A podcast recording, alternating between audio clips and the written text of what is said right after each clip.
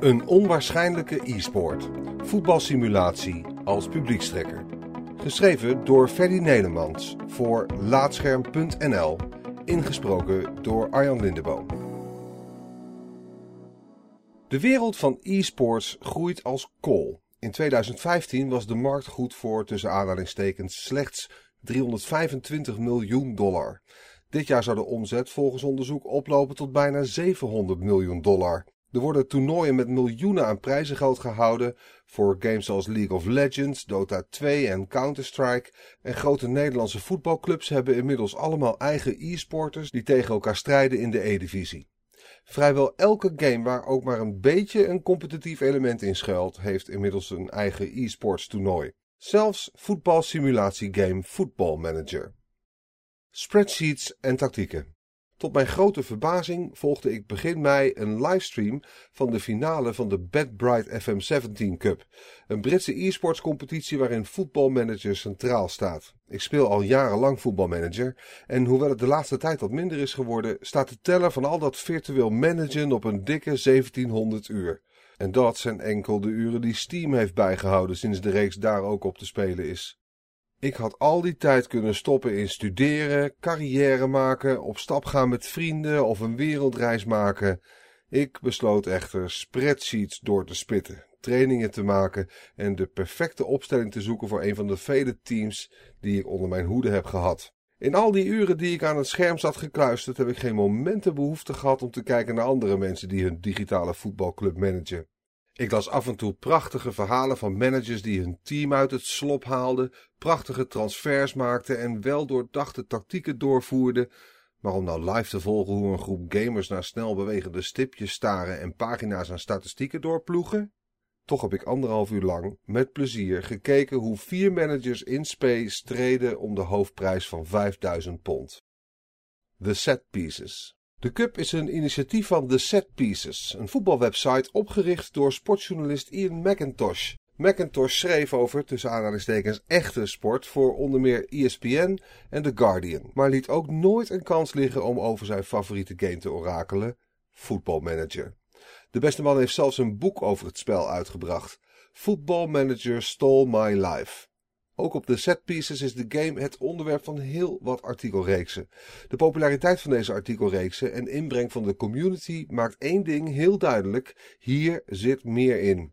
We wilden iets doen wat niemand ooit had gedaan met voetbalmanager. Aldus Matt Stenger, redacteur van de setpieces. Als je bedenkt hoe mensen normaliter de game spelen, dan is dat thuis op de bank of in het openbaar vervoer. Maar dankzij het succes van het FM17 project op de setpieces hebben we ontdekt hoe sociaal de game daadwerkelijk is. In het FM17 project gaan de schrijvers van de setpieces verschillende uitdagingen aan in Football Manager 2017 en schrijven ze hier wekelijks over.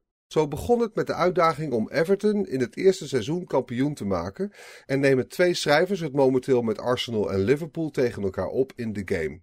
Er zijn duizenden spelers die het FM17 project elke week volgen. Toen we 70.000 kijkers op een van onze streams bereikten, voelden we dat we een groot genoeg publiek en aantal deelnemers konden vinden voor de FM17 Cup. Gekleurde stipjes. Via de website werd een aantal challenges uitgeschreven waarmee potentiële voetbalcoaches zich konden kwalificeren voor een van de vier voorrondes, verspreid over Groot-Brittannië. Daarin namen ze het op tegen andere hoopvolle coaches met een speciaal voetbalteam dat was samengesteld door de ontwikkelaar van de game. We hebben nauw samengewerkt met Sports Interactive om 16 gebalanceerde teams voor het toernooi samen te stellen. De teams zijn uitvoerig getest om het zo eerlijk mogelijk te maken. Dit werd onderstreept doordat elke voorronde is gewonnen door een ander team, vertelt Stenger. De uiteindelijke winnaars van de voorrondes troffen elkaar in de finale in Londen begin mei.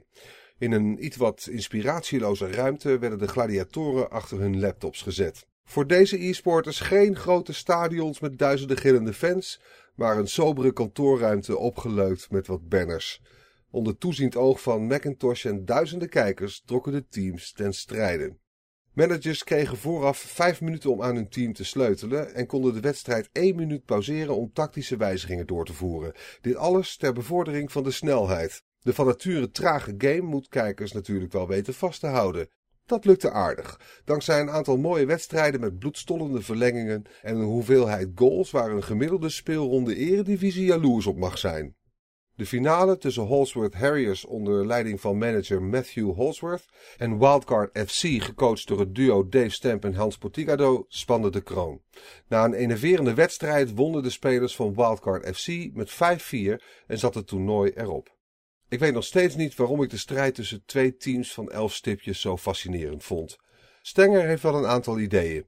Voor andere spelers van de game en voetbalfans is het herkenbaar. En hoewel de meeste mensen de spelers aanmoedigen, zit er misschien ook wel een beetje leedvermaak in het zien van de momenten die voor alle FM-spelers of kijkers van echt voetbal herkenbaar zijn. Voor degenen die de game niet spelen, moet het dan weer enorm vermakelijk zijn om volwassen mannen helemaal gek te zien worden van een aantal gekleurde stipjes op een scherm. Komt er volgend jaar weer een editie? Stenger denkt dat het best wel eens zover kan komen. De feedback op deze eerste editie was erg positief, dus hou ons zeker in de gaten.